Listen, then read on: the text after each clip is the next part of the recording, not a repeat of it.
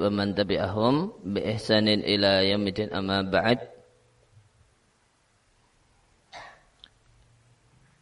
Kaum muslimin dan muslimah jamaah salat maghrib Masjid Al Asfaqun Raja dan pendengar radio muslim rahimani wa rahimakumullah. Sebelum kita lanjutkan membaca Sarah Masail Jahiliyah, maka ingin eh, saya bacakan uh, perkataan saya Mukbil tentang masalah mengkritik penguasa di di forum-forum umum.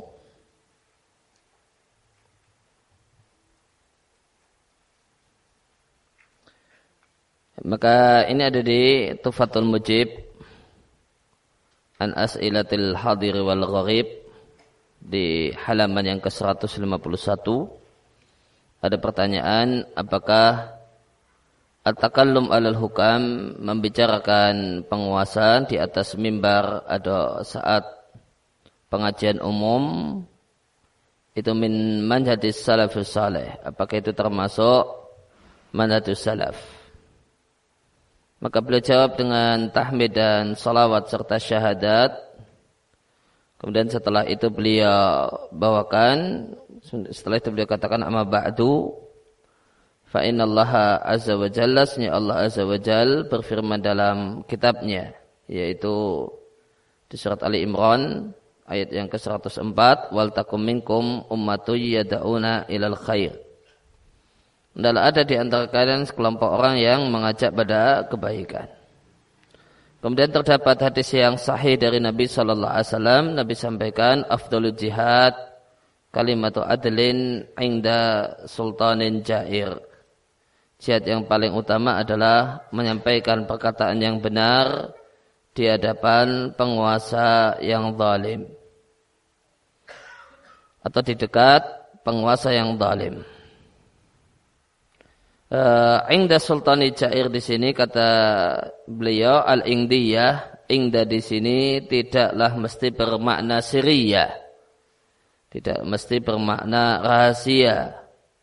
Tidak mesti bermakna hanya berdua bersama sang penguasa.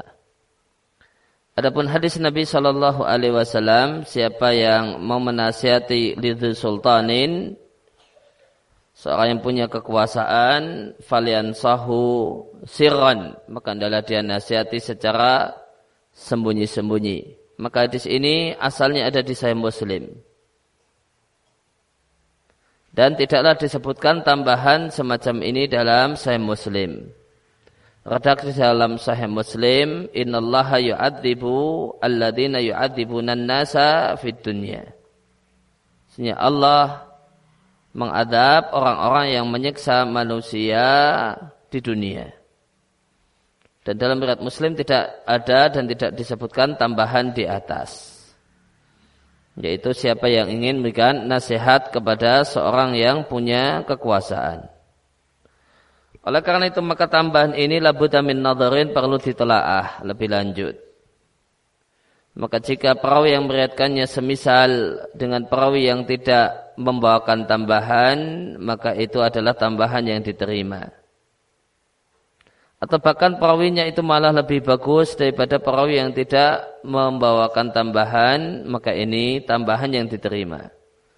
Namun jika tambahan tersebut adalah tambahan yang kurang kuat, maka tambahan tadi teranggap sadah teranggap sad wahadihi lafdatu tu'tabaru syadatan.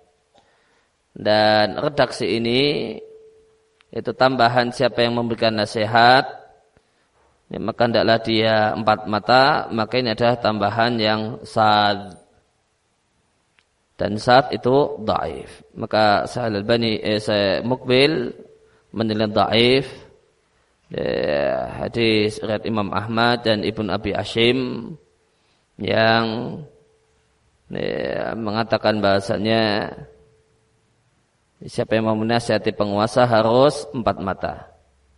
Oleh karena itu maka beliau membolehkannya Wafarkun dan bedakan antara seorang itu berdiri dan mengingkari di atas mimbar kebijakan-kebijakan penguasa yang menyelisih kitab dan sunnah dan memprovokasi masyarakat untuk memberontak kepada penguasa. Bedakan dua hal tersebut. Maka provokasi tidaklah diperbolehkan kecuali jika kita melihat kekufuran yang nyata, kekafiran yang nyata. Sebagaimana dalam hadis Ubadah ibn Somit.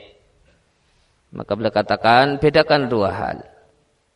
Ketika bicara di depan forum publik itu adalah ya, provokasi, ya, agitasi untuk kemudian memberontak, nah ini tidak boleh.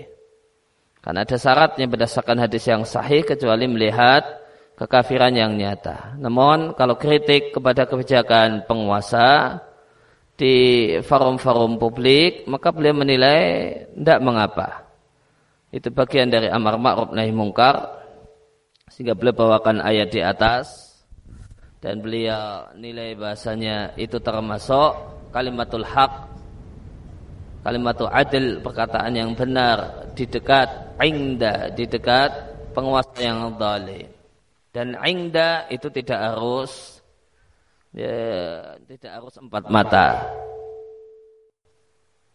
Maka beliau membolehkan dengan alasan-alasan yang telah disampaikan ditambah dengan alasan yang menyudutkan beliau, beliau lemahkan dengan menilai, dengan beliau nilai kalau itu tambahan yang saat. Maka bedakan. Samukwil tidak membolehkan provokasi, tapi membolehkan kritik terbuka. Dan Nabi Shallallahu Alaihi Wasallam memerintahkan Abu Dhar untuk mengucapkan kebenaran meskipun pahit.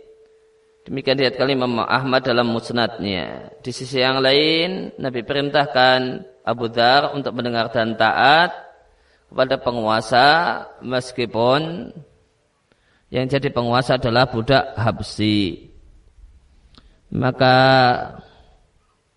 maka Abu Dhar pun memadukan dua hal ini. Memadukan dua hal ini.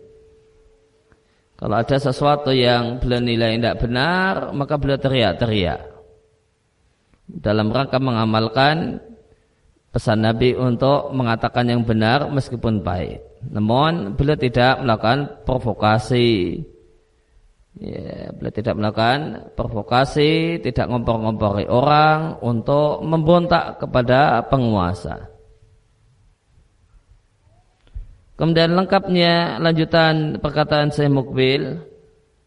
Dan jika kita melihat kekafiran yang nyata, maka apakah memberontak itu suatu kewajiban ataukah tidak? Maka wajib kita telaah, kita perhatikan kondisi kaum muslimin. Apakah mereka memiliki kemampuan, yaitu kudrah, untuk menghadapi kekafiran yang nyata? Ataukah jika mereka ya, melangkah maju ataukah mereka akan menyodorkan nyawa-nyawa mereka sebagai korban? Maka bedakan hal ini. Kalau kemudian memaksakan diri cuma ya akan menjadi korban cuma setor nyawa maka tidak boleh. Apakah mereka memiliki istirnaun datiyun ya, tidak butuh bantuan pihak kafir. Ataukah nanti malah memaksakan diri memberontak kemudian menjulurkan tangannya kepada Amerika atau yang lain? Ya, atau kemudian negara yang lain? Akhirnya Amerika atau negara yang lain tersebut membiarkan mereka sampai darah mereka tertumpah. Kemudian mereka Amerika akan memasang untuk ya, untuk mereka rakyat ini ilmanian orang sekuler. Sebagai ganti orang sekuler yang dahulu. Nah, sama aja. Hmm. ini jangan-jangan ujung-ujungnya minta bantuan negara kafir. Maka menggulingkan orang sekuler akhirnya diganti ya, sekuler yang lain. Au syuyu'iyan badalal ilmani. Atau akhirnya malah diangkatlah orang orang komunis sebagai ganti orang sekuler. Atau malah yang diangkat orang Nasrani sebagai ganti Muslim. Gara-gara memaksakan diri memberontak, kemudian ujung-ujungnya minta bantuan sama Amerika. Akhirnya ada pesan sponsor, nah ini yang harus jadi. Oleh karena itu kalau demikian keadaannya maka tidak boleh memberontak.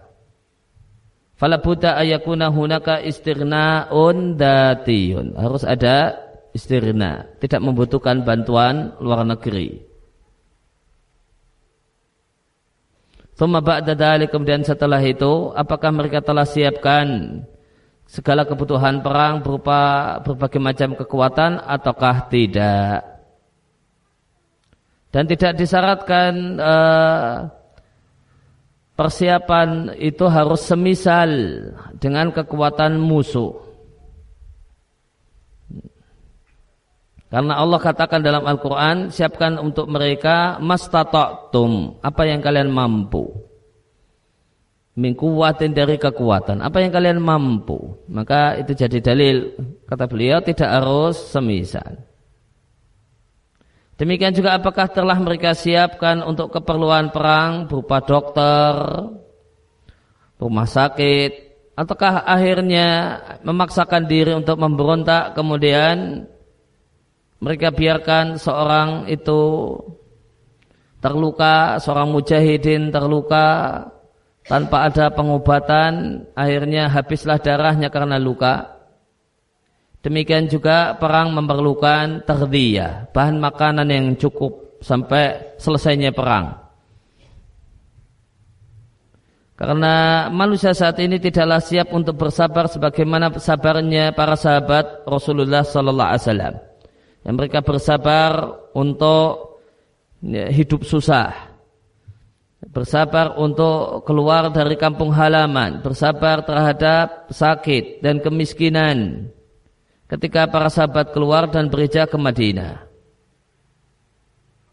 oleh karena itu maka itu patut disiapkan bahan makanan selama nanti perang yang mungkin akan terjadi kata beliau perlu disiapkan di sisi yang lain manusia saat ini perlu untuk melatih diri dengan keadaan para sahabat Ridwanullah alaihim. Ya, perlu melatih diri untuk menjadi orang-orang yang prihatin. Fa ulima al farqum maka diketahuilah adanya perbedaan antara seorang itu mengatakan perkataan yang benar ataukah memprovokasi masyarakat untuk memberontak kepada penguasa. Maka bedakan dua hal itu kata beliau. Kalau provokasi tidak boleh, ada syaratnya. Syaratnya kekafiran yang nyata. Namun kalau penguasanya kafir yang nyata, apakah terus memberontak? Belum tentu juga. Punya kemampuan ataukah tidak? Nah, kemampuan di sini banyak unsur yang banyak unsur. Nanti kira-kira bisa masang orang yang lebih baik ataukah tidak? Nanti kalau ujung-ujungnya cuma ganti malah lebih parah, nah ini tidak boleh. Kira-kira nanti kemudian ngemis-ngemis sama negara kafir ataukah tidak? Nah, itu juga harus dilihat. Harus ada yang boleh merontak kalau istirna. Ya, tidak butuh bantuan luar negeri untuk ya, untuk menyelesaikan peperangan. Demikian juga tadi ya, kekuatan militer telah disiapkan ataukah belum. Demikian juga ahli kesehatan, tempat-tempat untuk pengobatan, uh, untuk para mujahid yang terluka disiapkan belum. Kemudian tandon makanan untuk sekian lama masa perang sudah dipertimbangkan apakah belum.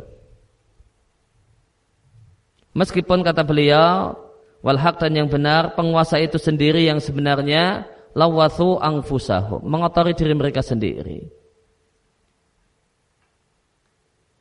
mengotori diri mereka sendiri ya. maka beliau katakan adanya orang-orang yang memberontak itu juga ada sisi apa ya, ada sisi uh, sebab karena tindakan penguasa itu sendiri Meskipun ketika ini syarat-syarat tidak terpenuhi, maka ini satu hal yang terlarang. Pemberontakan ini satu hal yang terlarang. Namun ketika memandang satu masalah kita juga patut objektif ya. Ini salah, ini juga salah. Ya, penguasa yang zalim itu salah. Akhirnya kemudian ada kezaliman, kemudian ada orang yang melakukan pemberontakan. Ini juga salah. Ketika itu adalah penguasa muslim. Maka lihat beliau melihat dari dua sisi. Tidak kemudian cuma satu sisi seakan-akan menjadi pembela penguasa yang zalim. Seakan-akan adalah jubir penguasa yang zalim. Kalau cuma yang dilihat, cuma wah ini pemberontakan tidak benar, haram dan seterusnya. Nah, kesannya seakan-akan jubir penguasa yang zalim. Dan lihat beliau juga lihat pakai sudut pandang yang lain. Ya, sudut pandang yang lain. Untuk penguasa sendiri penguasa sendiri juga salah. Yaitu jika dia juga punya peran dan saham untuk kemudian terjadinya kejelekan yaitu pemberontakan. Maka beliau katakan wal haq ya, mana tadi?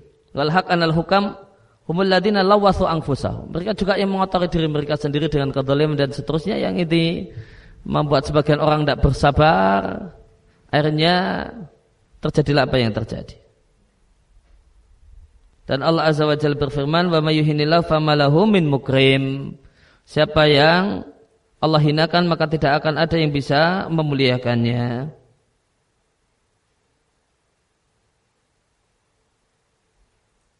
Oleh karena itu, maka di satu sisi beliau melarang seorang muslim untuk memberontak kepada penguasa yang tidak kafir, maka lihat satu hal yang menarik. Beliau kemudian mengatakan fanan sahul hukam. Kami nasihatkan kepada para penguasa untuk kembali kepada Allah Subhanahu wa taala. Hendaklah bersikap ya, yang tulus ma'asubihim dengan rakyatnya. Ya, maka ini cara memberikan uh, penjelasan yang yang sangat cerdas dan sangat bagus.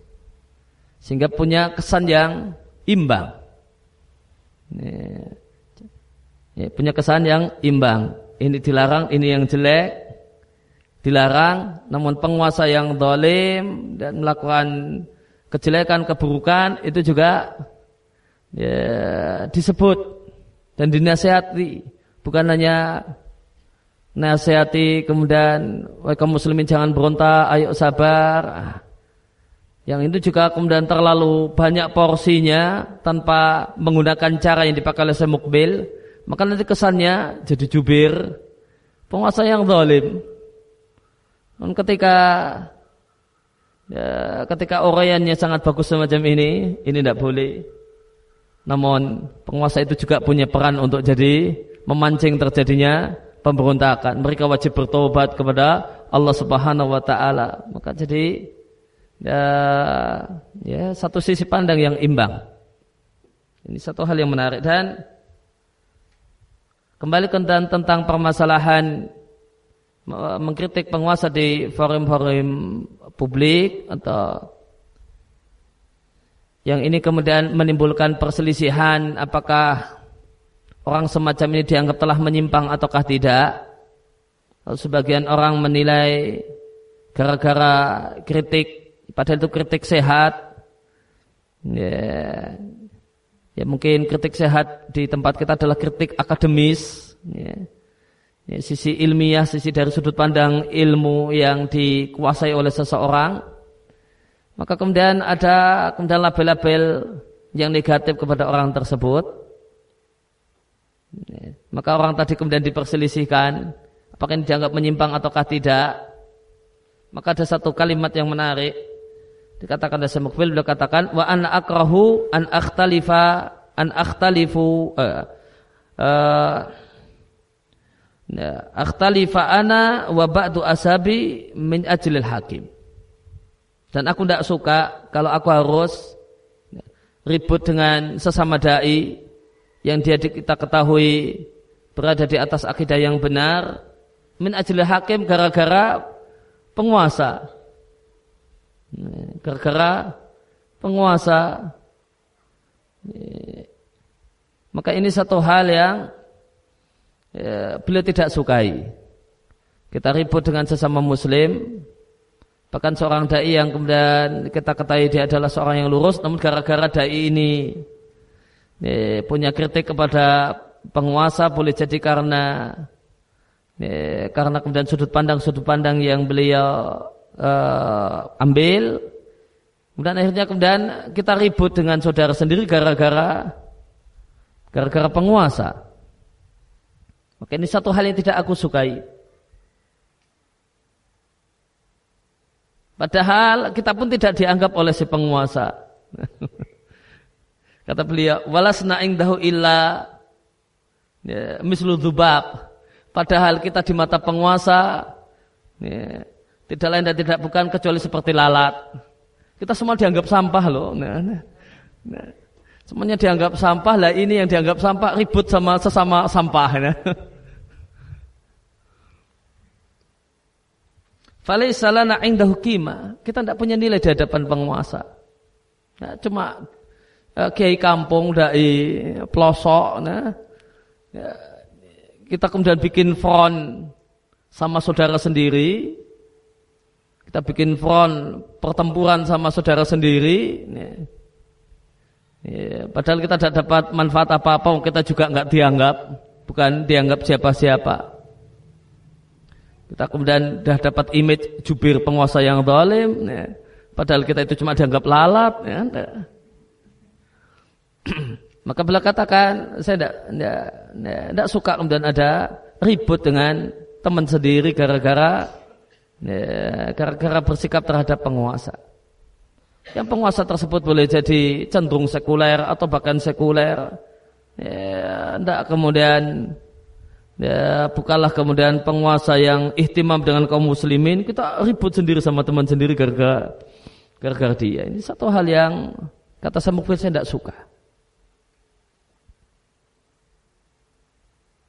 Nah, gara-gara kemudian daripada ribut tentang uh, timbul keributan semacam ini, wa nasihati li syabab al-Kuwaiti karena ini pertanyaan dari Kuwait. Saya nasihatkan kepada para pemuda Kuwait untuk menyibukkan diri mereka dengan ilmu yang bermanfaat dan sibuk untuk berdakwah wa yatruku hadil wasawis ya. dan tidaklah kemudian mereka tinggalkan was-was semacam ini demikian juga adalah mereka tinggalkan pemikiran yang menyimpang pemikiran yang salah famanusur al-islam bithawrat wal inqolabat maka Islam tidak pernah mendapatkan kemenangan gara-gara revolusi ya wal inqolabat dan penggulingan kekuasaan.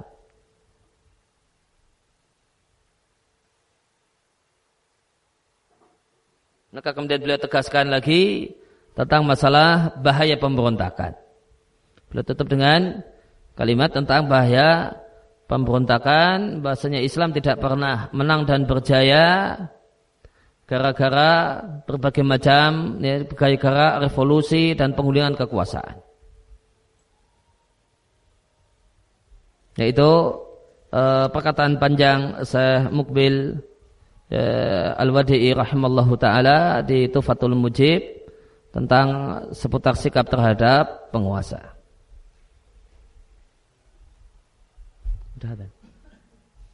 Ya demikian yang kita baca kesempatan. Kali ini kita lanjutkan ba'dal isya. Wa sallallahu ala nabiyina Muhammadin wa ala alihi wasallam wa quda'wana alhamdulillahi rabbil alamin. Alhamdulillah wassalatu wassalam ala rasulillah wa ala alihi wa sahbihi wa man tabi'ahum bi ihsanin ila yamidin amma ba'd. Ikhwatal iman rahimani wa rahimakumullah Kembali kita lanjutkan membaca sarah masail jahiliyah Kita sampai pada masalah yang ketujuh Al-istidlal Berdalil dengan Bima alih ahlul quwah Keadaan orang-orang yang hebat Untuk mengatakan bahasanya itulah kebenaran. Maka di antara karakter jahiliyah menjadikan tolak ukur kebenaran adalah apa yang diamalkan dan diyakini oleh orang-orang yang kuat. Qala al-musannif rahimallahu taala al-istidlalu biqaumin berdalil dengan sekelompok orang yang diberi kekuatan. Boleh jadi kekuatan pemahaman ataupun kekuatan dalam aktivitas wa fil mulki kekuatan dalam atau kehebatan dalam kekuasaan, harta dan pangkat. Maka Allah Subhanahu wa taala menyanggah hal ini dengan firman-Nya, "Walaqad makannahum" dan sungguh kami telah memberikan kekuasaan kepada mereka fima immakannakum fihi sebagaimana kami telah memberikan kekuasaan kepada kalian. Demikian juga firman Allah Ta'ala Wakanu dan mereka orang Yahudi Mingka belum sebelumnya Sebelum ya, diutusnya Muhammad Sallallahu Alaihi Wasallam Yastaftihuna ala ladina kafaru Mereka Meminta kemenangan Atas orang-orang kafir Maka orang-orang Yahudi sebelum diutusnya Nabi Sallallahu Alaihi Wasallam Ketika mereka kalah Mereka mengatakan akan datang Nabi akhir zaman kami akan beriman dengannya, kami akan bersamanya, kami akan di belakang barisannya. Kemudian eh, dan kami akan memerangi kalian bersama sang nabi dan kami pasti akan menang. Karena sang nabi tersebut bersama kami. Itu perkataan orang-orang Yahudi sebelum diutusnya Nabi Shallallahu Alaihi Wasallam. Falamma ja'ahum maka tatkala datang kepada mereka apa yang mereka ketahui yaitu ya, datangnya Nabi akhir zaman. Kafarubihi mereka ingkar dengannya. Demikian juga firman Allah Ta'ala, mereka mengenal Muhammad sebagaimana mereka mengenal anak mereka sendiri. Penjelasannya, maka di antara karakter jeliyah mereka berdalil bahasanya apa yang dilakukan oleh manusia-manusia yang kuat manusia-manusia yang punya pangkat, manusia-manusia yang cerdas, maka itulah yang benar. Kalau itu adalah omongan profesor, ya, orang yang terkenal sebagai orang yang disebut dengan cendekiawan, ilmuwan, ya, maka dia menganut satu pendapat, maka itu adalah benar. Kalau itu adalah perbuatan seorang yang memiliki jah, seorang pangkat, memiliki pangkat dan kedudukan, dia seorang pejabat, dia berbuat demikian-demikian, dan pejabat ini adalah idola publik, maka apa yang dilakukan oleh pejabat, itulah yang benar.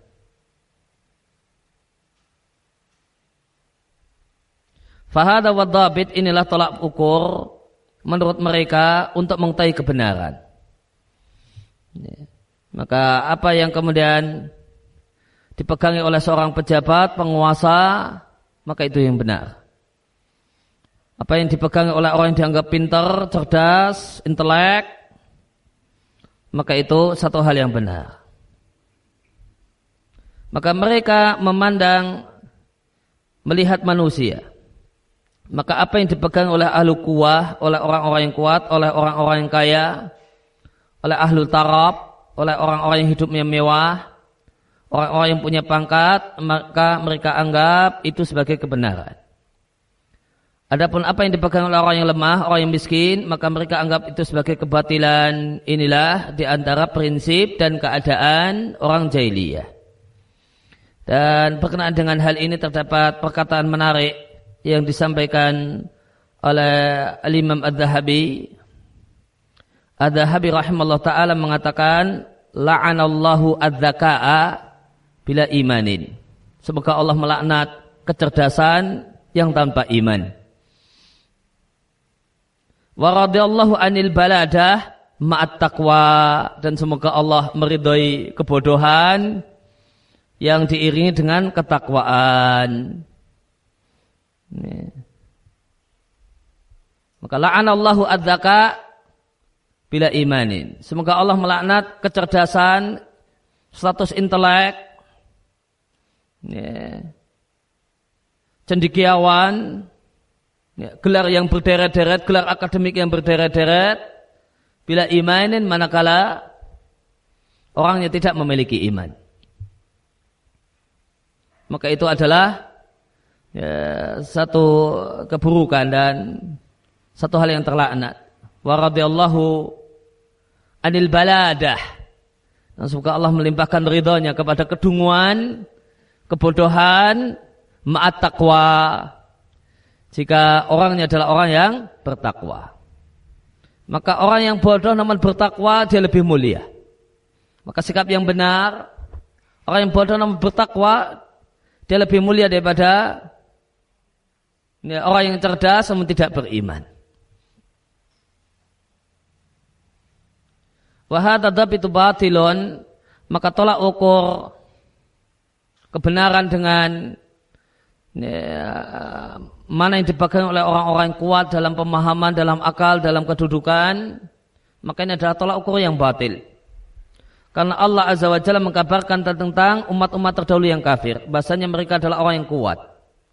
Bahasanya mereka adalah sarwatin, mereka kaya. Demikian Allah sampaikan dalam banyak ayat. Mereka adalah orang-orang yang memiliki jah dan kedudukan. Mereka adalah orang-orang yang memiliki zakat, kecerdasan, wa afham dan orang-orang yang tajam pemahamannya. Akan tapi itu semua tidaklah bermanfaat bagi mereka. Bahkan mereka di atas kebatilan. Allah sebutkan hal ini dalam banyak ayat. Di antaranya firman Allah Ta'ala. Wa idha tutla alaihim. Jika dibacakan pada mereka ayat-ayat kami. Bayinatin yang merupakan bukti yang nyata. Qala ladina kafar maka orang-orang kafir berkata kepada orang-orang yang beriman manakah dari dua kelompok ini yang lebih baik tempat tinggalnya dan lebih bagus tempat kumpulnya. Nah dia itu adalah tempat nongkrong, duduk-duduk, orang untuk ngobrol-ngobrol.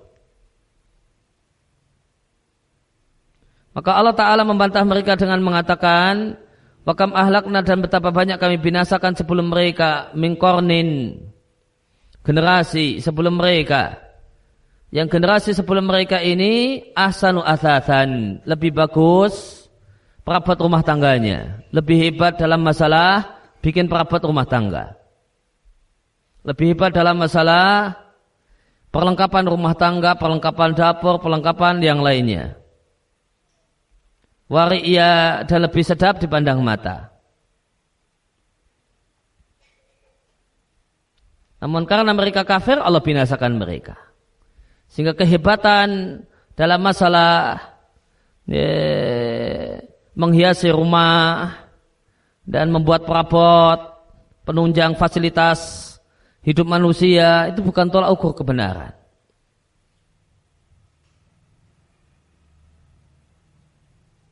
Maka bukanlah tolak ukur kebenaran manakah yang khairul maqama, mana yang lebih baik rumahnya. Oh, kalau rumahnya bagus mewah, ya, maka dialah orang yang lebih baik. Bukan demikian tolak ukur kebenaran. Wa tempat kungkunya, tempat kongkongnya mana yang lebih keren. Itu bukan tolak ukur. Ini, kalau kemudian uh, kongkonya di tempat yang mewah, di tempat yang wah, di villa, maka itu top. Nah, kalau cuma kemudian kongkonya, kumpulnya, duduknya di masjid kampung, pelosok, nah, kemudian itu lebih jelek, itu bukan tolak ukur kebenaran. Maka tolak ukur kebenaran bukanlah mana siapa yang rumahnya lebih bagus. Tempat nongkrongnya yang lebih keren, bukan itu tolak ukur kebenaran. Kalau itu tolak ukur kebenaran kata Allah, betapa banyak umat terdahulu yang Allah binasakan karena kafirnya dan mereka ini rumahnya lebih wah, arsitekturnya lebih indah. Ya, ahsanu asatan. Ya, perabot rumah tangganya lebih indah-indah dan lebih sedap dipandang mata. Dan Allah Ta'ala berfirman, tidakkah mereka berjalan di muka bumi dan melihat bagaimanakah akibat dari orang-orang sebelum mereka?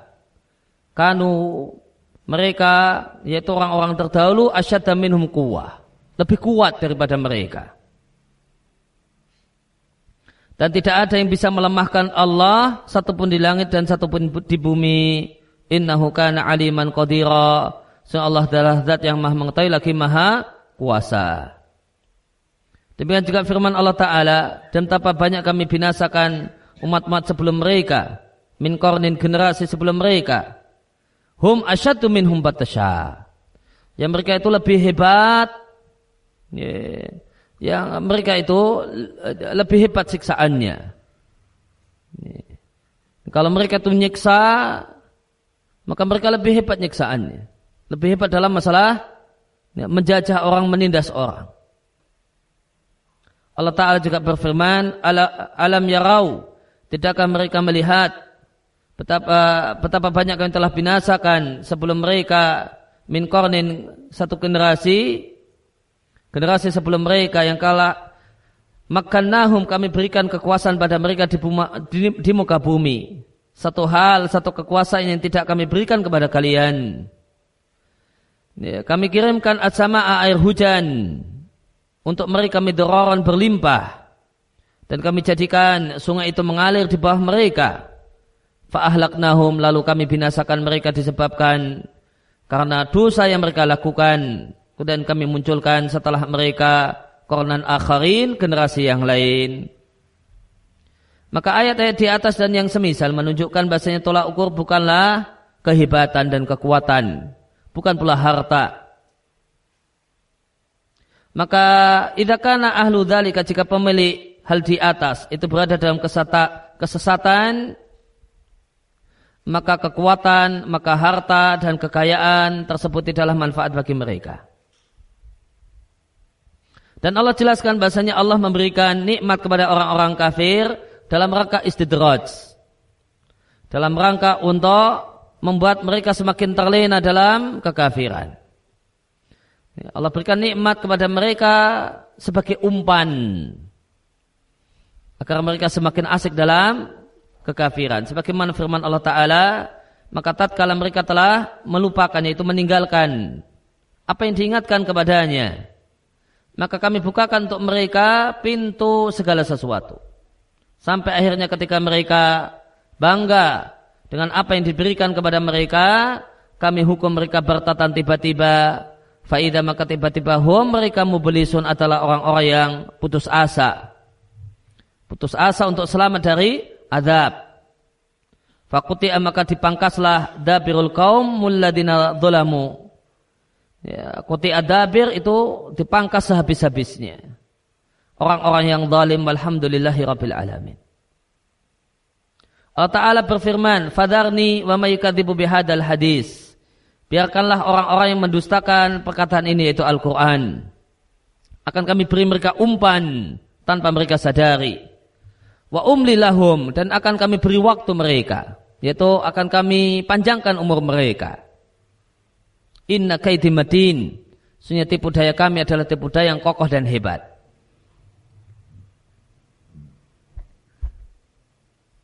Maka berlimpahnya harta itu belum tentu adalah tanda Allah cinta karena boleh jadi istidraj.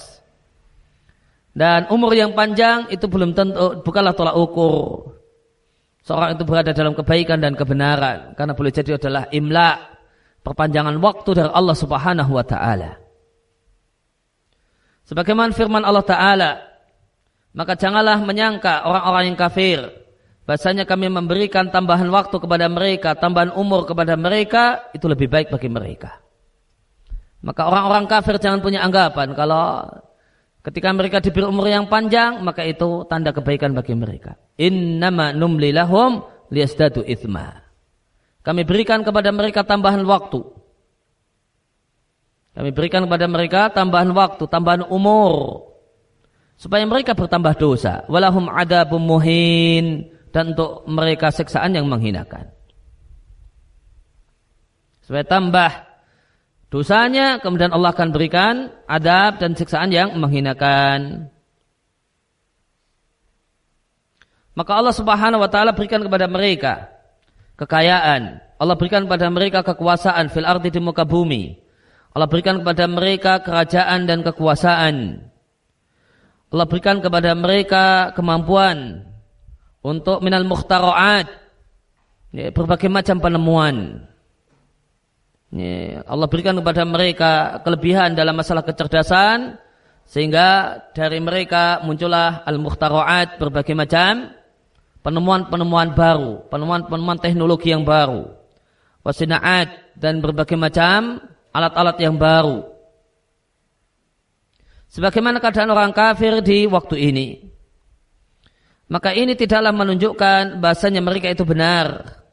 Tidak pula menunjukkan kalau Allah ridho kepada mereka dengan memberikan hal-hal di atas kepada mereka. Namun kemajuan teknologi dan penemuan-penemuan baru yang Allah berikan pada orang kafir ini adalah mimbabil istidraj, adalah bentuk umpan dari Allah Subhanahu wa taala untuk mereka dan imla dalam perpanjangan waktu liyazdadu ithman supaya mereka bertambah dosa. Dan hal-hal semacam ini hanya dijadikan dalil oleh orang-orang jahiliyah. Adapun orang-orang yang memiliki mata hati, maka mereka melihat keadaan umat tersebut. Jika benar, maka mereka men, mereka terima meskipun mereka adalah orang-orang yang miskin. Jika itu batil, maka mereka tolak meskipun mereka adalah orang-orang kaya. Dan ayat dalam masalah ini sangatlah banyak. Di antaranya adalah apa yang disebutkan oleh penulis di sini, yaitu firman Allah Taala tatkala menyebutkan kebinasaan kaum Ad. Sungguh telah kami berikan kekuasaan pada mereka, sebagaimana kami telah memberikan kekuasaan kepada kalian. Kami jadikan untuk mereka pendengaran dan penglihatan dan hati. Namun pendengaran dan penglihatan mereka serta hati mereka tidaklah bermanfaat untuk mereka sedikit pun. Alam tarakai eh, demikian juga firman Allah Ta'ala. Tidakkah engkau melihat bagaimanakah yang Allah lakukan kepada kaum Ad? Itulah kaum Iram yang memiliki tiang-tiang. Alatin lam yukhlaq mithluha fil bilad. Yang belum pernah tercipta satu pun bangsa semisal mereka di berbagai negeri. Tentang makna iram, maka iram itu boleh jadi maknanya adalah kabilah. Kabilah iram. Atau iram ini pendapat ahli tafsir yang lain mengatakan adalah nama negeri yang mereka tempati. Ya, nama tempat tersebut disebut iram. Maka ada perselisihan tentang iram. Apakah itu nama kabilah ataukah nama tempat. Yang memiliki tiang-tiang yang belum pernah tercipta satu bangsa semisal itu di berbagai negeri. Demikian juga kaum Thamud yang mereka ini memahat batu besar, batu-batu besar yang ada di lembah. Yang dimaksud makna jabu adalah yanhituna, memahat. Mereka memahat gunung. Dan gunung yang dimaksudkan di sini bukan gunung seperti di tempat kita, namun gunung di sini adalah gunung padas, sebagaimana gunung-gunung di Arab Saudi. Gunung batu. Maka mereka pahat gunung batu. Dan mereka membuat relief-relief di gunung tersebut. Bahkan mereka jadikan gunung tersebut sebagai tempat tinggal mereka. Mereka bikin rumah di gunung padas. Ini satu teknologi yang tidak dimiliki oleh orang sekarang. Non ada dan dimiliki oleh orang terdahulu. Ini gunung, orang sekarang cuma bisa belah gunung, ya, menghancurkan gunung batu. Ya, dengan dinamit kemudian nanti disulap jadi hotel misalnya. Ya, di di banyak tempat di Mekah misalnya. Ya, itu kemampuan orang sekarang. Orang dahulu ini ini yang Allah ceritakan di sini malah kemudian bikin rumah di ya, Gunung Padas itu. Gunung Padas itu disulap jadi rumah sana ada ruangan-ruangan. Ya. Dan itu adalah gunung padas. Ini teknologi yang tidak dimiliki oleh orang sekarang.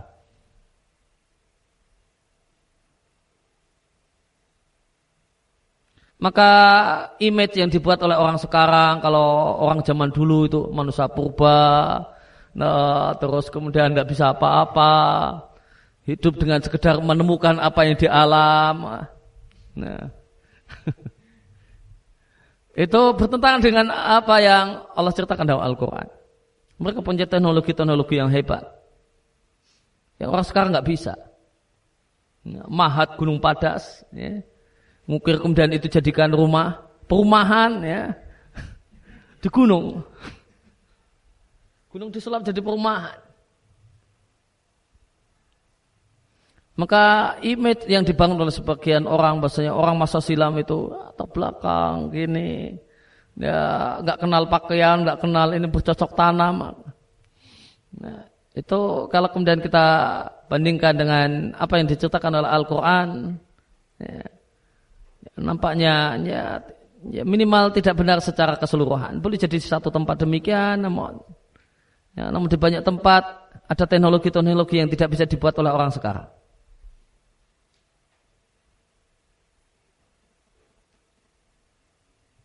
Maka kemudian mereka jadikan sebagai tempat tinggal bagi mereka dan dan tempat ini yang Allah ceritakan tempat kaum Ad ini masih ada masih eksis sampai saat ini. Dia di pinggir jalan ya, kafilah dari ya, menuju Syam, misalnya dari Madinah menuju Syam, maka mereka akan melewati ya, tempat ini. Fatil kamasakinuhum lam tuskan min ba'dihim illa qalila. Itulah tempat-tempat tinggal mereka. Tidak dihuni setelah mereka Allah matikan kecuali sedikit. Wa kunna nahnu al-warithin. Kamilah yang mewarisi apa yang mereka tinggalkan. Fatil kabuyutum itulah rumah-rumah mereka khawiyatun yang hancur. Dalam artian sudah tidak lagi di dimanfaatkan bima disebabkan kezaliman yang mereka lakukan. Fahaula maka mereka-mereka Allah berikan pada mereka kekuatan yang sangat hebat padahal mereka orang kafir. Dan tatkala datang pada mereka para nabi, mereka tertipu dengan kekuatan yang mereka miliki, kekayaan yang mereka miliki. Wa ubuhah dan kebesaran yang mereka miliki, maka mereka sombong kepada para rasul dan mereka bertahan dalam kemusyrikan mereka, tidak mau menerima kebenaran, tertipu dengan kekuatan yang mereka miliki. Sampai-sampai Allah menyebutkan tentang kaum Ad, bahasanya mereka tertipu dengan terkecoh, ujub dengan kekuatan mereka. Sampai-sampai kaum Ad mengatakan, Man asyadu kuwah. Siapakah yang lebih kuat dan lebih hebat daripada kami? Maka Allah katakan, tidakkah mereka mengetahui bahasanya Allah yang menciptakan mereka tentu lebih hebat dan lebih kuat daripada mereka. Ini berkenaan dengan kekuatan teknologi dan kehebatan teknologi. Atau kemudian kelebihan secara fisik. Adapun berdalil dengan masalah pemahaman dan kecerdasan. Maka ingat, Bani Israel, Yahudi, secara khusus Allah berikan pada mereka pemahaman. Allah berikan pada mereka ilmu maka mereka pun mengetahui ciri-ciri Nabi Shallallahu Alaihi Wasallam yang akan dibangkitkan, akan dimunculkan di akhir zaman. Disebabkan mereka memiliki Taurat dan Injil.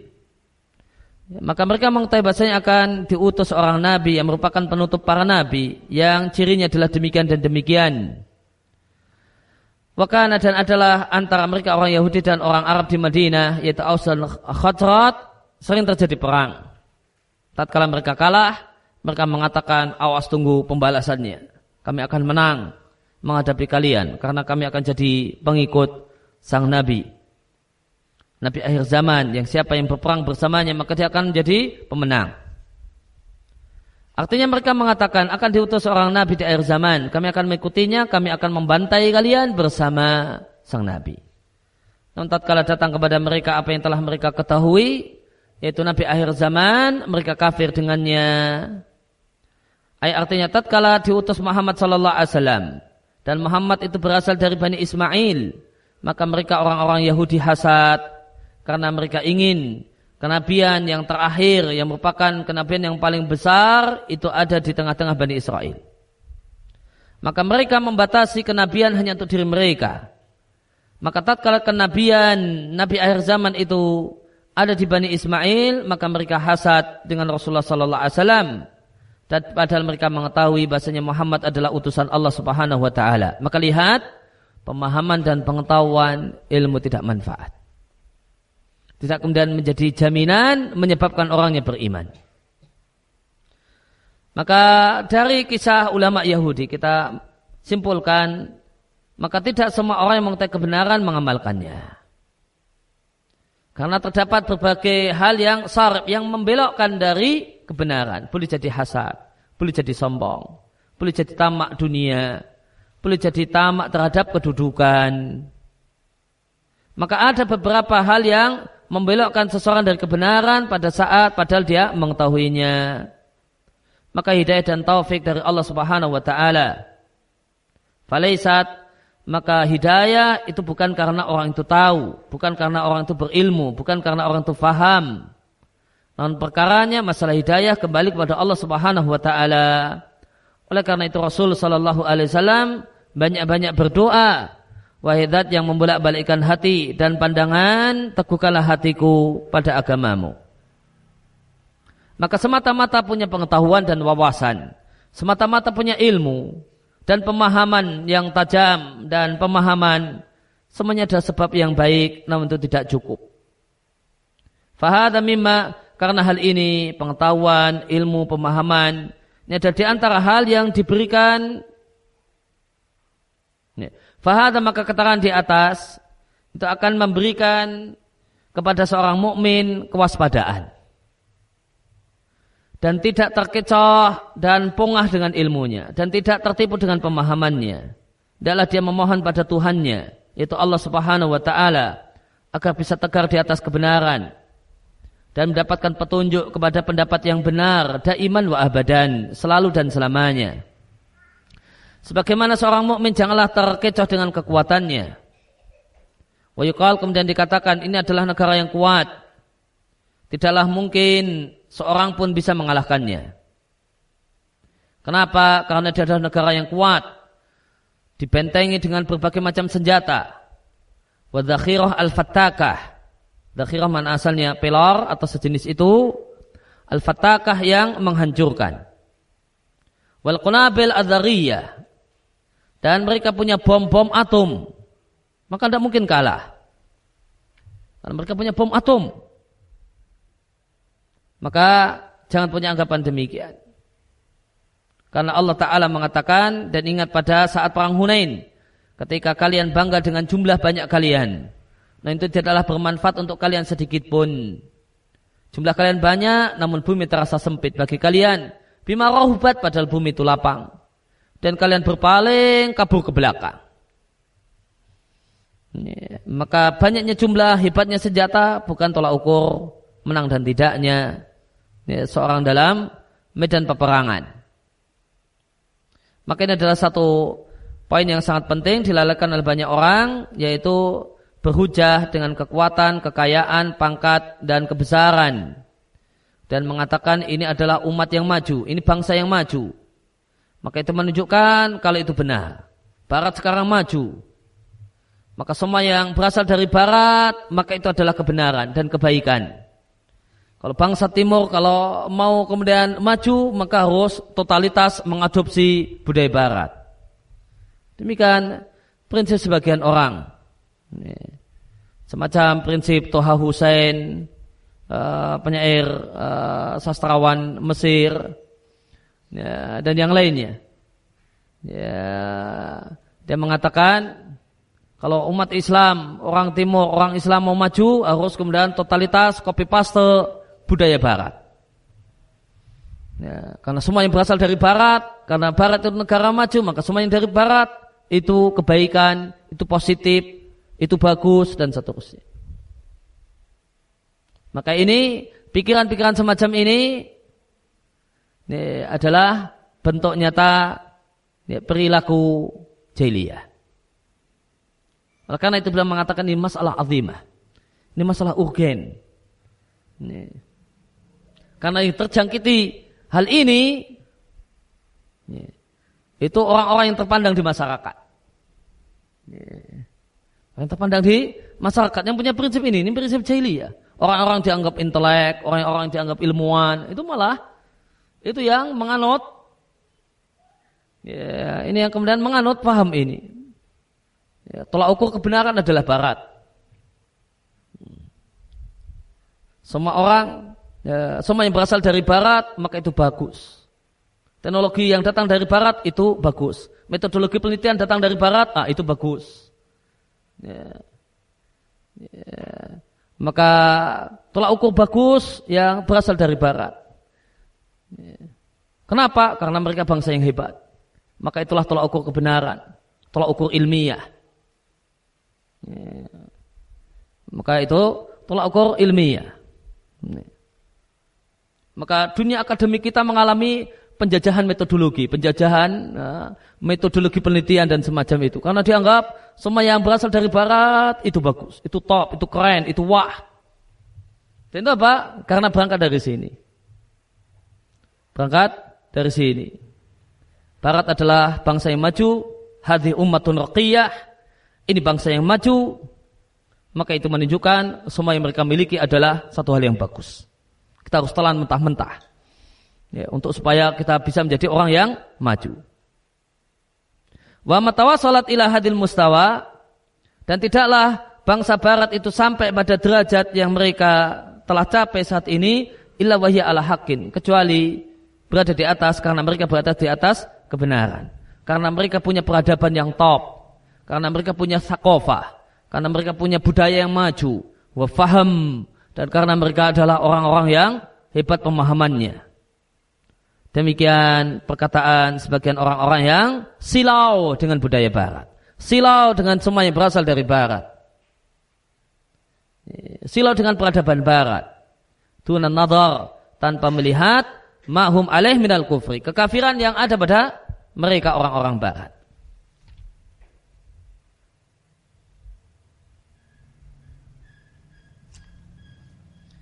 Kemudian uh, Poin yang kedelapan, al-istidlal berdalil bahasanya sesuatu yang dipegangi oleh orang-orang yang lemah itu bukanlah satu hal yang benar. Kalau musannif rahimallahu taala al-istidlal berdalil untuk batilnya sesuatu karena sesuatu tersebut tidaklah diikuti kecuali orang-orang yang lemah. Sebagaimana firman Allah taala Ya, Anuk minulaka wa tabaka al ardalun. Apakah kami akan beriman padamu sedangkan para pengikutmu adalah orang-orang yang hina? Demikian juga firman Allah Ta'ala menceritakan perkataan orang kafir. Apakah mereka-mereka orang-orang yang miskin itu adalah orang-orang yang Allah berikan nikmat sehingga lebih unggul daripada kami? Maka Allah bantah dengan firman-Nya. Alaihissallahu bi'a'lama bisyakirin. Bukankah Allah yang lebih tahu siapakah orang-orang yang bersyukur? Penjelasannya. Ya, poin ini adalah kebalikan dari sebelumnya.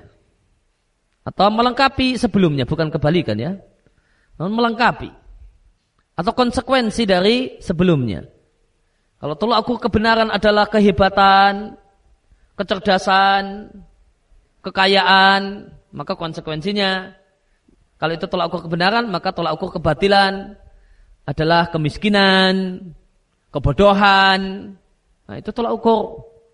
Ya, jadi kalau dalam bahasa kita ini bukan kebalikan. Ya, namun ini ya konsekuensinya. Atau ini melengkapi apa yang ada di kaidah sebelumnya atau ada yang di poin sebelumnya yaitu berdalil dengan kehebatan untuk mengatakan bahasa orang memiliki kehebatan itu berada di atas kebenaran. Maka dalam poin ini mereka berdalil dengan kelemahan untuk mengatakan bahasa orang-orang yang lemah tidak berada di atas kebenaran. Seandainya mereka di atas kebenaran, tentu mereka bukanlah orang-orang yang lemah dan tertindas. Inilah mizan, inilah tolak ukur orang jahiliyah. Untuk mengetahui manakah hak dan batil. Mereka tidak menyadari bahasanya kuat dan lemah di tangan Allah subhanahu wa ta'ala. Dan bahasanya orang yang lemah boleh jadi di atas kebenaran, meskipun dia lemah. Dan orang yang kuat boleh jadi di atas kebatilan. Dan kaidah ini adalah ucapan kaum Nuh tatkala Nabi Nuh mendakwai mereka kepada agama Allah. Mereka mengatakan, Wahai Nuh, apakah kami akan beriman kepadamu? Sedangkan pengikutmu adalah orang-orang yang hina, orang-orang yang miskin, orang-orang yang terbelakang, orang-orang yang orang-orang yang ada orang-orang pinggiran. Yakni adu'afa minna, yaitu orang-orang yang lemah di antara kami. Maka seandainya engkau itu benar, niscaya yang mengikutimu adalah orang-orang yang kuat dan hebat. Di ayat yang lain Allah ceritakan perkataan kaum Nabi Nuh, tidaklah kami melihat orang yang mengikutimu kecuali mereka adalah orang-orang hina di antara kami. Badia ra'yi, bukan orang-orang yang cerdas. Apa itu badia ra'yi? Allah laisa indahum ra'yun. Orang-orang yang tidak memiliki pemikiran-pemikiran yang top. Mereka itu bukan cendekiawan. Hum itulah orang-orang yang mengikutimu. Artinya mereka mengikutimu karena mereka bukan cendekiawan, non orang yang awam, bukan orang yang terpelajar, maka mereka mengikutimu min ghairi rawiyah, tanpa dipikir masa-masa. Walau min ghairi tafkirin sama, tanpa dipikir dalam-dalam. Demikian juga orang-orang musyrik di masa Rasulullah Sallallahu Alaihi Wasallam. Mereka mengejek mukmin mukmin yang lemah, yaitu semisal Bilal, Salman, Amr bin Yasir, Bapaknya itu Yasir dan ibunya itu Sumayyah. Mereka mengejek sahabat-sahabat yang lemah. Sampai-sampai mereka mengatakan kepada Nabi kita Muhammad sallallahu alaihi wasallam, kami tidak mau duduk bersamamu ketika mereka mereka itu ada di dekatmu. Maka tetapkanlah untuk kami satu majelis yang beda dengan majelis mereka. Sehingga kami bisa membangun kesepahaman denganmu. Dan Nabi Shallallahu Alaihi Wasallam karena antusias agar mereka dapat hidayah, maka Nabi ingin untuk menem, me, menjadwalkan untuk mereka satu majelis khusus. Lalu Allah ataba, Allah tegur. Allah Azza wa Jal memberikan teguran pada nabinya dengan firman-Nya. Jangan kau usir orang-orang yang berdoa kepada Rabb mereka di waktu pagi dan sore dengan niat yang ikhlas menginginkan wajahnya. Maka bukanlah urusanmu hisap mereka sedikit pun. Ya, dan hisapmu bukan juga tanggungan tanggungan mereka sedikit pun. Jika engkau usir orang-orang yang baik tersebut karena miskinnya, ya, fatakuna minat zalimin, maka engkau adalah termasuk orang yang zalim. Maka dalika maka demikianlah kami uji sebagian mereka dengan sebagian yang lain supaya mereka mengatakan Apakah mereka-mereka ini orang yang miskin? Allah berikan nikmat pada mereka unggul di atas kami. Yang dimaksud dengan haula, yaknuna yang mereka maksudkan adalah sahabat-sahabat yang lemah.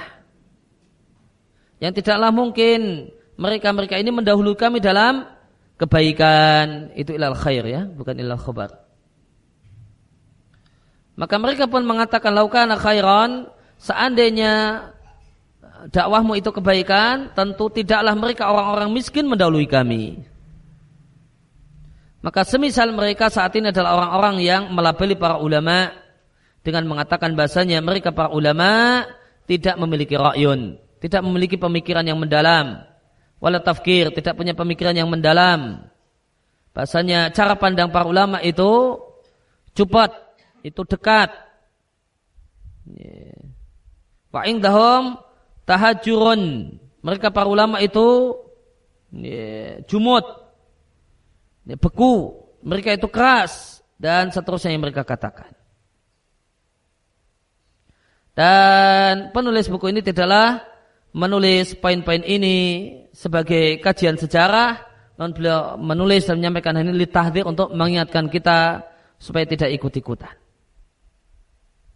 Supaya diwaspadailah hal-hal ini karena hal ini adalah di antara perilaku jahiliyah. Ya, demikian yang kita baca dan kita bahas kesempatan malam hari ini. Allahumma alim nama yang fa'una wa fa'na bima alam tana wa sidna ilma wa sallallahu ala nabina Muhammadin wa ala alihi wa sahbihi wa salam. Baru ta'ana anilhamdulillahi rabbil alamin. Subhanaka Allahumma bihamdika. Asyhadu an la ilaha illa anta astaghfiruka wa atubu ilaik.